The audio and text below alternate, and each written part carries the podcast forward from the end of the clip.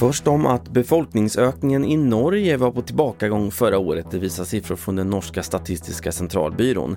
Antalet norrmän har inte vuxit så lite sedan 2001 och det är coronarestriktioner och låg invandring som lyfts fram som bidragande orsaker.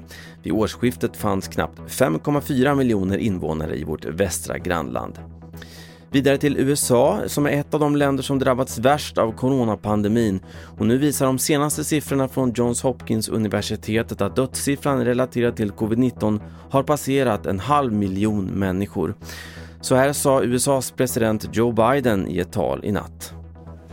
That's more Americans who have died in one year in this pandemic than in World War I, World War II and the Vietnam War combined.